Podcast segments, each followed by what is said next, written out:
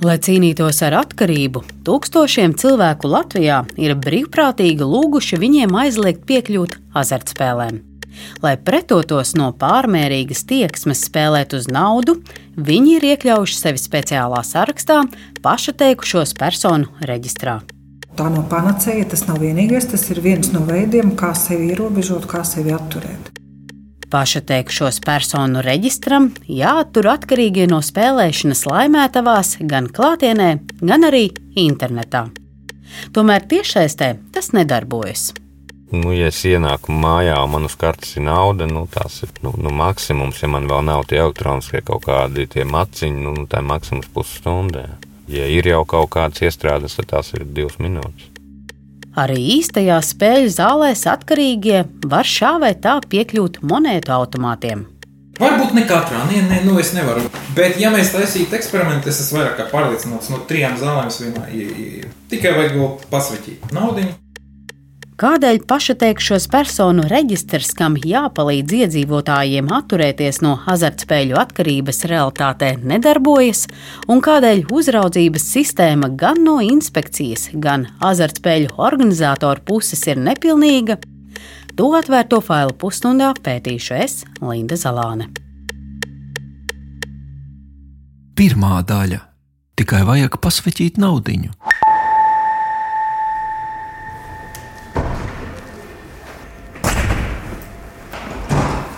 Darba dienas pievakarē, februārī, esmu ieradusies uz anonīmo spēļu sadraudzības sapulci. Uz sapulci. Tajā regulāri tiekas azartspēļu atkarīgie, lai dalītos pieredzē un šādā veidā atvesaļotos no azartspēļu atkarības. Uz kādu sapulci? Uz eh, atkarīgo. Pie ēkas ārdurvīm Rīgā sastopu apsargu, kurš mani rūpīgi izprašņā. Atkarīgo? Azartspēļu. Sapulces telpā pirmo sastopu Arni. Arnis ir ieradies pirmais, lai dalībniekiem sagādātu tēju un saldumus, ar ko pacienāties. Uz iknedēļas sapulci ir sanākuši astoņi dažāda vecuma vīrieši no atšķirīgām profesijām. Bet visiem ir kopīgs mērķis - izārstēties no tieksmes spēlēt azartspēles. Nu, ir viena lieta, jā. es nezinu, slēgta grupa vai slēgta sapulce precīzāk. No. Anonīmo spēļu sadraudzības sapulce ir droša vieta atkarīgajiem, kur dalīties ar savu pieredzi, tostarp arī Arnim. Varam rīt varīšu no rīta. Lai uzklausītu viņa stāstu, vienojamies tikties ārpus sapulces telpām. Jūs esat pie metāla durvīm vai pie ko? Metāla. Ā, jūs kāds veriet viņu vaļā un, un kāpjat augšā. Mhm. Tegīt, lūdzu. Šis cilvēks gan nebija plānots. Arnis man iepazīstina ar savu bērnības draugu Juri. Viņam ir tāda pati pieredze kā man. Vienkārši es domāju, ka viņš arī varēs kaut kādas lietas piebilst. Abi vīrieši ir spēlējuši azartspēles vairāk nekā 20 gadus. To laikā viņi bija arī atkarīgi no alkohola un narkotikām. Nu jau vairākus gadus gan Juris, gan arī Hārnis ir spējuši atturēties. Šī ir Beitlemes žēlsirdības māja priekš atkarīgām personām. Arnis strādā arī Bēntlemes žēlsirdības mājā, kas ir kristīgais palīdzības centrs un kopiena atkarīgajiem. Organizācija piedāvā speciālu rehabilitācijas programmu. Pats izgāju šo programmu un paliku kalpot, jo īsti nebija pārliecināts par to, vai es spēšu parūpēties par sevi. Nu, precīzāk, vai es spēšu noturēt to skaidrību ārpus šīm sienām. Arnis stāsta, ka cīnīties ar atkarību ir ļoti grūti. Pirms trījiem gadiem Latvijā ieviesa speciālu sarakstu pašateikušos personu reģistru. Tā mērķis ir palīdzēt no azartspēļu atkarīgajiem atturēties no spēlēšanas. Sistēma darbojas šādi. Cilvēks brīvprātīgi lūdz, lai viņu iekļauj vienotā sarakstā, un spēlmani pēc tam vairs nelaiž laimētavā.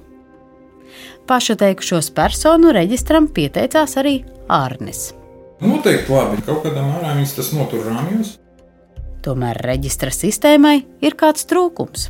To var apiet. Viena no lietām ir uh, izbraukt ārpus valsts. Tur tas reģistrs nestrādā. Tātad ļoti daudzi meklē tuvāko vietu, kur aizbraukt. Nu, parasti tā ir Lietuva. Visi vārti ir vaļā, viņi var droši iet spēlēt. Arnis stāsta, lai atturētu spēlētājus no iekļūšanas spēļu zālēs, jābūt vienotam reģistram visās Baltijas valstīs.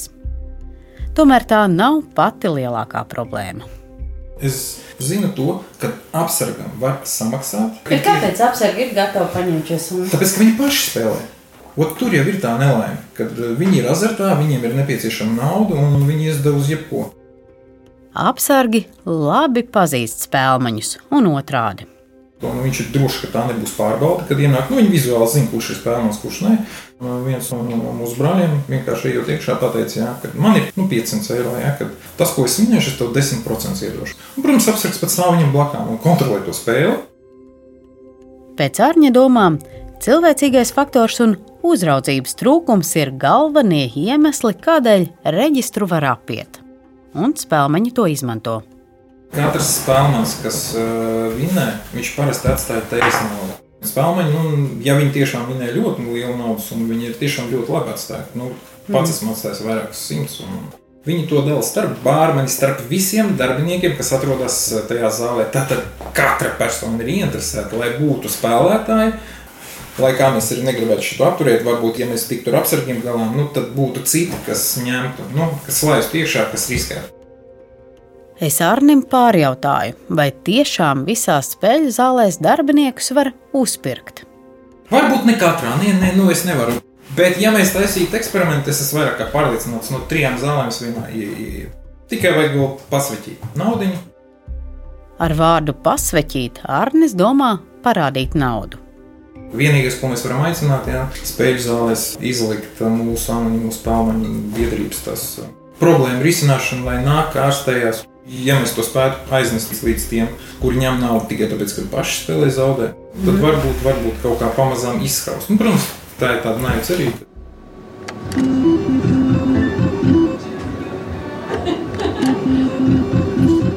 Ārņa draugs Juris, kurš ir atnācis līdzi uz interviju, stāsta, ka pilsētās būtu jāierobežo piekļūšana azartspēļu vietām.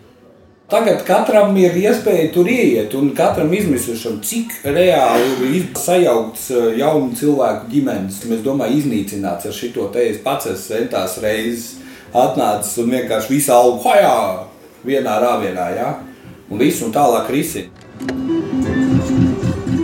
Viņš ir pārliecinājies, ka azartspēļu bizness ir izveidots tā, lai spēlētājs automātā vienmēr atstātu vairāk naudas nekā varētu vinnēt. Man personīgi tas azarts vienkārši apēda. un Bija nezinu, no 5 eiro, tur 2000. Jā. Tas nekad nav apstādinājis. un Tāpēc ir tas smiešanās, jā, kad, kad vai nulle vai miljonu. Manā gadījumā viņi ir vienmēr nulle. Tāpēc jau miljonu nav iespējams tur vinēt. Algoritms jau sen ir uztaisīts. Juris, lai dabūtu naudu azartspēlēm, atdeva visu, kas viņam piederēja. Telefons kaut kāds vai kaut kas tiek ieķīlāts, jā, un tad jau ķerās pie tuviniekiem. Tāpēc arī ir jāspēj zāles un tūmā. Jā, tieši tā, un Lombards. Tā ir klasiskā schēma, un tur arī Lombardā tiek viss pieņemts. Nu, šausmīgi. Un, protams, kad ir tas Lombardos, tas izmisušos cilvēks arī tur apčakarē, ja, nu, viņi jau tur arī ļoti labi lasa, ja, kad tev vajag, nu, tad tu pietiek ļoti dārgu mantu viņam atdot tur pa kapekām. Tas ir viņu bizness. Abi divi viņi ir viņi spēlē uz cilvēku veselību. Viņa prāta spēļu zāles būtu jāpārceļ ārpus apdzīvotām vietām. Protams, kad ja tu nezini, dzīvo jūrmalā un braukā tikai doma un, un, un jūrmalā, jā, tad tu neredzi tās šausmas. Nu, cik mums daudz ir mikrorajonu, kuros vat, ir šis apburtais aplis, jā, un tur nevienu vienu jaunu arī ievelk iekšā. Nu, tur ir centralizēta vieta, kazino. Tūkstnesis mums nav, bet nu, ideālā versijā ārpus Rīgas. Nu, tad, lai tas biznesa grozās. Jā. Līdzīgi domā arī Arnis. Atbildīgajām amatpersonām būtu arī jāierobežo azartspēles, lai pasargātu vismazāk aizsargāto sabiedrības daļu - nabadzīgos iedzīvotājus. Tas procents ir milzīgs, kad iet tieši trūcīgi cilvēki, kuriem nav nekā cerībā izcelt kaut ko, lai nodrošinātu savu dzīvi galvenokārt. Un tad jau varbūt nu, sapņos viņi mēģinās piepildīt pārējo cilvēku dzīves. Bet realitāte gan ir cita. 70 iekšā, 30 ārā. Ja ir tās dienas, kad es arī izvelku, ja, tad pienāk vienmēr nākamā. Un es ar to visu naudu iekšā. Tad reāli, ja, ja tu paspēji varbūt savus zābakus nopirkt, ja, vai cigaretes, nu, tad tas ir vienīgais. Viss tiek iegrūsts atpakaļ. Tad nu, te viennozīmīgi nevar. Atkarības dēļ viņš laimētavās atgriezās atkal un atkal. Tādu veidu uzmanību ja, mēs nesaņemam ikdienā, pat ne, ne ģimenē, ne ārpus tās, kur notiek tāda ļoti viesmīlīga apkalpošana, kā arī sagaidīšana. Tā kā augsta amatpersona tu ieej iekšā, tev vienmēr smaida, vienmēr iedos to, iedos šito. Nu, protams, jā, meitenes īsās kleitiņās staigā aptekā, lai dod tur alkoholu, tu vīri vīrais, kā arī jā, vienmēr logi ir ciet vai logi vispār nav, es pat nezinu, jā, es zinu, kad ir aizskari, bet nav pulksteņi, nav laika izjūtas. Otrā daļa Tā ir maksimums pusstunda.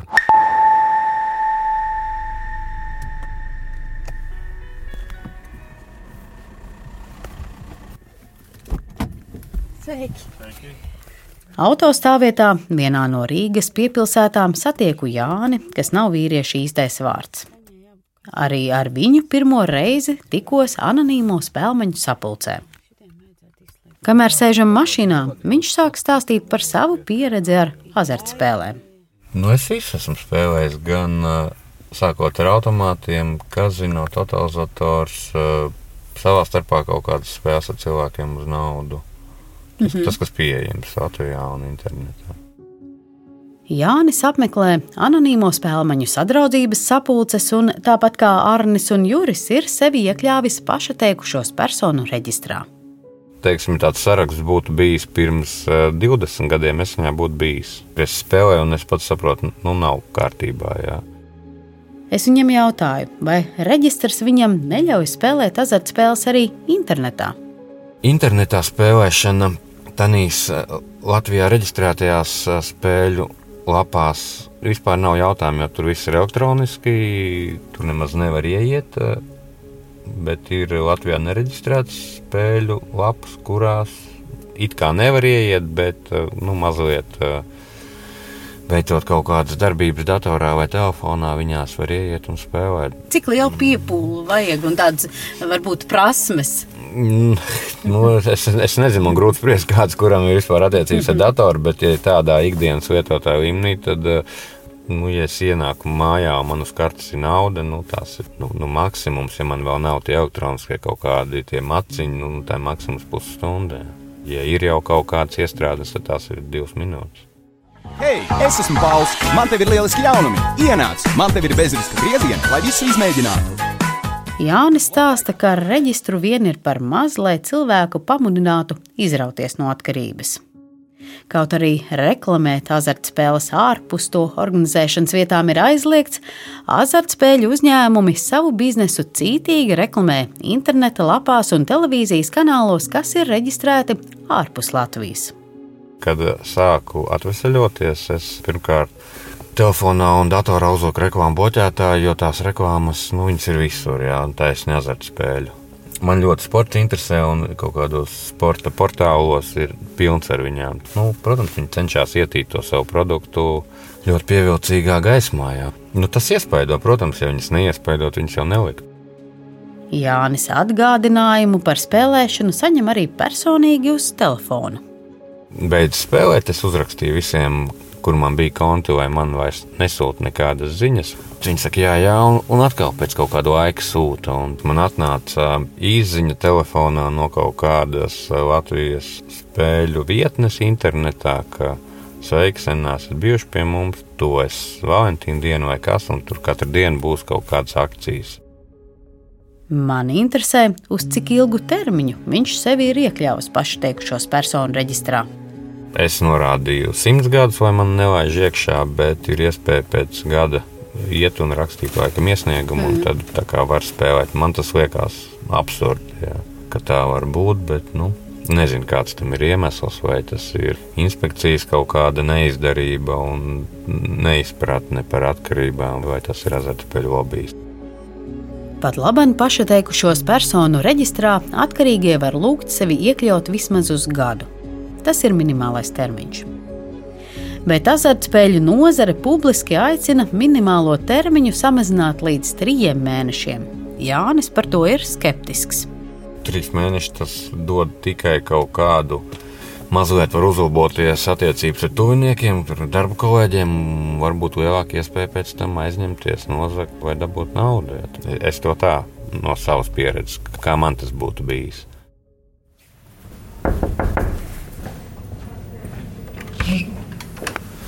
Labdien, Elīna! Linda Zalāne no atvērtajiem failiem. Viena no vietām, kur cilvēki var meklēt palīdzību, lai izkļūtu no atkarības, ir izložu un azartspēļu uzraudzības inspekcija. Tur strādā psiholoģe Elīna Brila. Jūs esat ļoti precīzi. Jā, ļoti precīzi.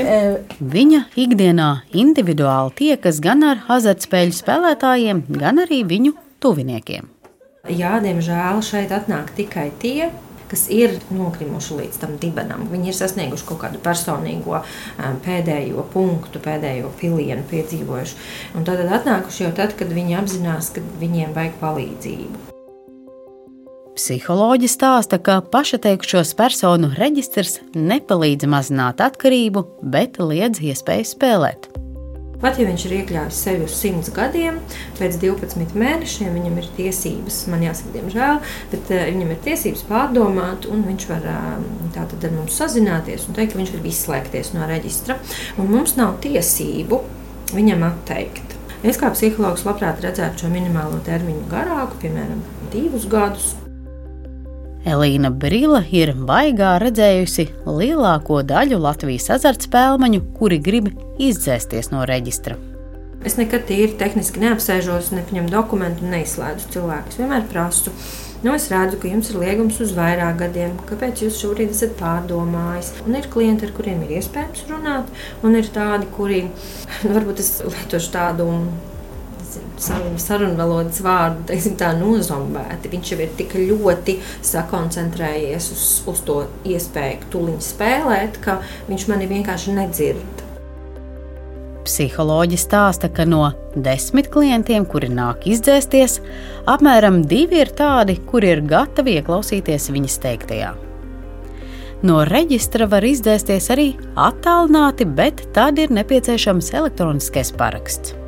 Un šai klientu grupai, kas spēlē azartspēles, visbiežāk elektroniskā paraksta nav. Bet, jo jaunāks ir spēlētājs, jo lielāka iespēja, ka viņam būs elektroniskais paraksts un viņš prasīs to izmantot. Elīna Brīle ir novērojusi, ka pašreizējais cenu pieaugums ir pamudinājis cilvēkus izņemt sevi no reģistra. Nu, man jāsaka, jā, diemžēl es pamanu tādu tendenci. Jā cilvēki tiešām vairāk vēlas risināt savas ekonomiskās problēmas, zemes ienākumus vai vispār periodus bez ienākumiem. Viņi spēlēšanu redz kā vienīgo peļņas veidu. Nu, protams, ka tā ir tāda domāšanas kļūda. Ja? Un lielā daļā gadījumu viņi balsta šo savu pārliecību tajās retajās epizodēs, kad viņi patiešām ir laimējuši kaut ko. Tas ir psiholoģisks fenomens - neredzēt zaudējumus. Tiešām viņi var neredzēt tūkstošu eiro zaudējumu, bet viņi redzēs desmit eiro laimestu. Un, un kas pats svarīgākais, gribēs to atkārtot. Arī viņi atgādina to pašu, ko stāsta spēļmaņi. Cilvēki azartspēlēs nevis vinnē, bet pazaudē naudu uz ko ir arī balstīts šis bizness, šis miljonu bizness. Ja? Un arī to viņiem jācenšas paskaidrot, ka nevis jūs tur iesiet pelnīt, bet viņi pelna uz jūsu rēķinu. Tas ir normāli, un tāds ir šis bizness. Spēļu organizētāji to ļoti izjūt, un to es varu apgalvot. Viņi patiešām izjūt sekas no visiem šiem ierobežojumiem, kas viņiem visu šo gadu laikā ir tikai pieauguši. Un viņi meklē veidus, kā pievilināt klientus jā, ar vien vairāk. Kopumā triju gadu laikā reģistrā sevi kaut reizi ir iekļāvuši vairāk nekā 42,000 cilvēku. Lielākoties cilvēki sevi reģistrā iekļauj uz minimālo termiņu, gadu, un pēc tam viņus no reģistra automātiski izdzēš. Trešā daļa - cilvēkam nepatīk pārāk piepūlēties.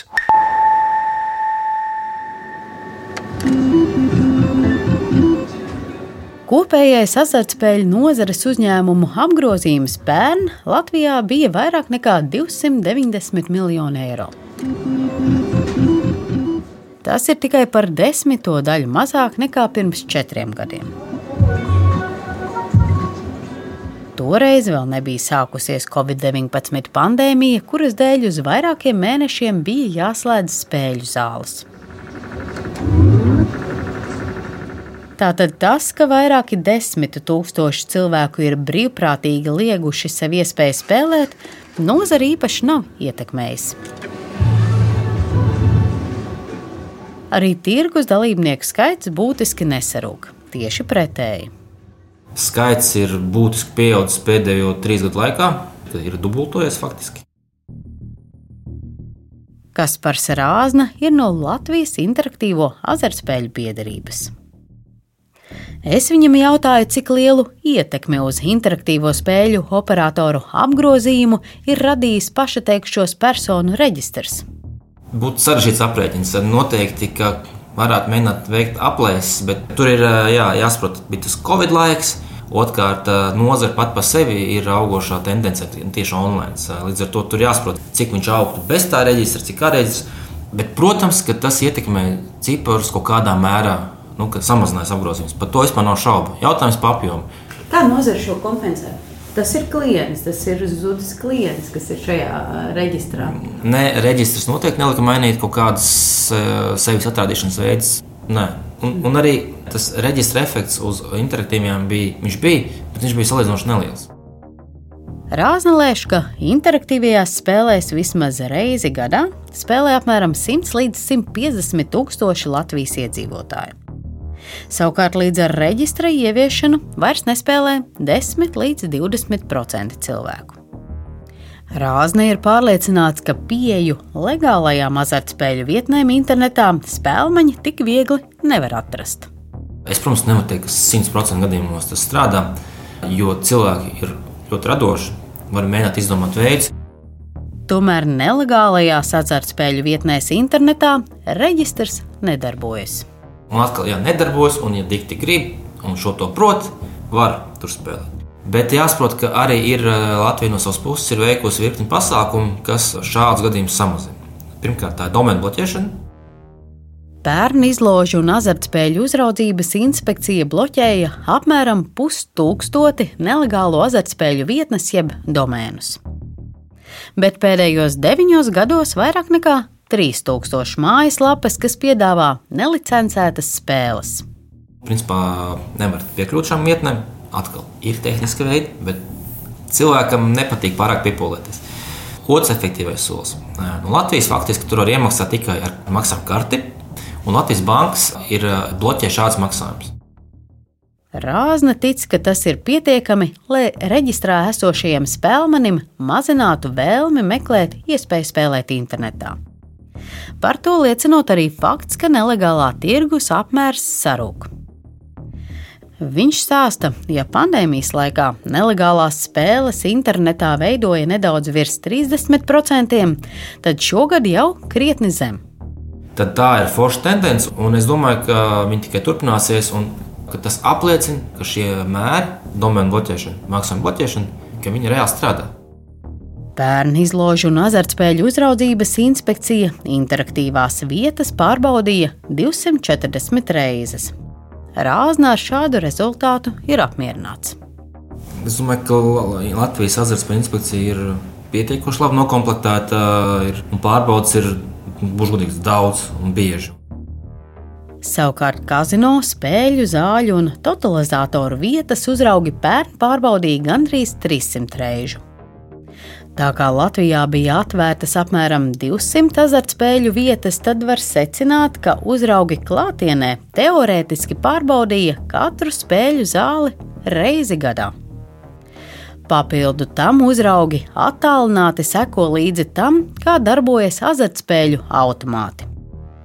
Viņi arī skatās, vai tie cilvēki, kuri spēlē azartspēles, ir vai nav pirms ienākšanas zālē pārbaudīti. Skaidrs, ka jebkurai, jebkuram biznesam, kuru uzrauga un regulē, droši vien, gribētos, lai pēc iespējas mazāk viņas aiztiek. Nu, tas būtu tikai loģiski. Ja? Vai tas ir pietiekoši? Nezinu. Ārnes Vērzemnieks ir Latvijas Spēļu biznesa asociācijas prezidents. Inspekcija brauc pārbaudīt, nu, viņi, jau, viņi jau neziņo, kad viņi brauc. Viņi ir kaut kādas nu, kā plānotās, bet lielākoties visas tās pārbaudes ir, ir, ir neplānotās. Pagājušajā gadā par dažādiem pārkāpumiem inspekcija azartspēļu organizētājus sodīja ar apmēram 11,000 eiro. Arnis Vērzemnieks gan stāsta, ka naudas sots nebija par pašateikušos personu reģistra apiešanu, jo ar kaut ko tādu neviens spēļu organizators laimētavās nesot saskāries.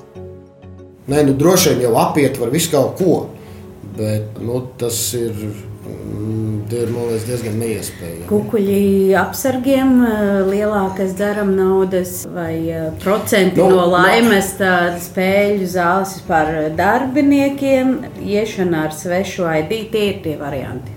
Nu, Un kas tiek izmantoti? Nu, es saku, nu, tad, eh, ja kaut kādi tādi gadījumi notiek, jā, tad noteikti nu, par to vajadzētu reaģēt un, un ziņot. Jā, jo skaidrs, mm -hmm. ka tas uh, grauj pašu no, nu, visu to, to sistēmu. Visās azartspēļu vietās ir video novērošana. Kas tiek uzglabāta, kas ir jānodod inspekcijai, jā, līdz ar to viss ir redzams. Tur neko nevar paslēpt.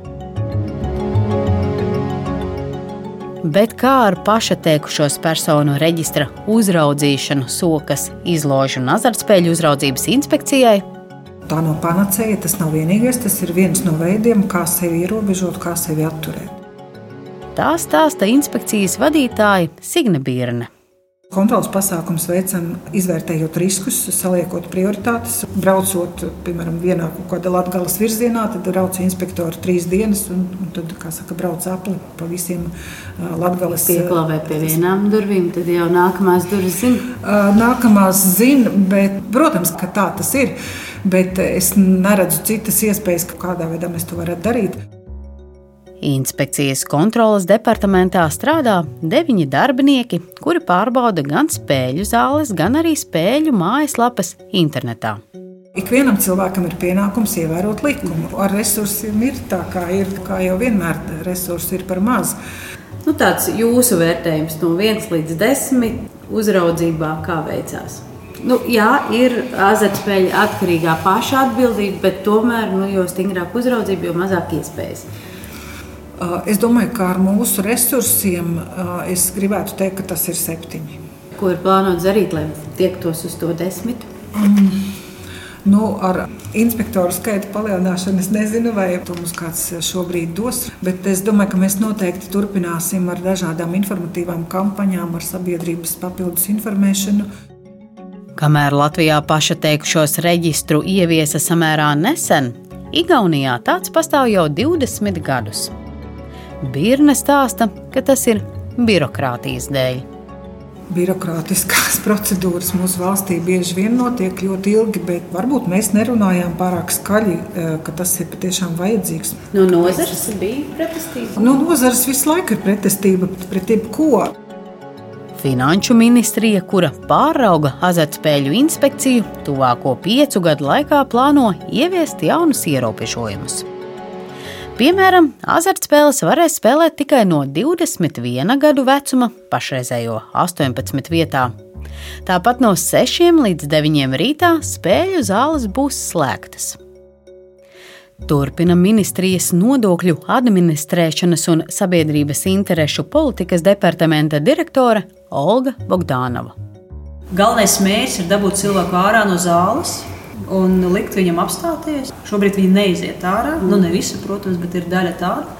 Iziet ārā un nu jā, tad, tad palpot un padomāt, vai vajag atpakaļ. Viņi stāsta, ka spēļu zāļu ārā fasādēm būs jābūt mazāk uzkrītošām un bez spilgtām reklāmām. Laimētavās būs aizliegts spēlēt automātus un vienlaicīgi lietot alkoholu, kā arī iekštelpās ierobežos smēķēšanu.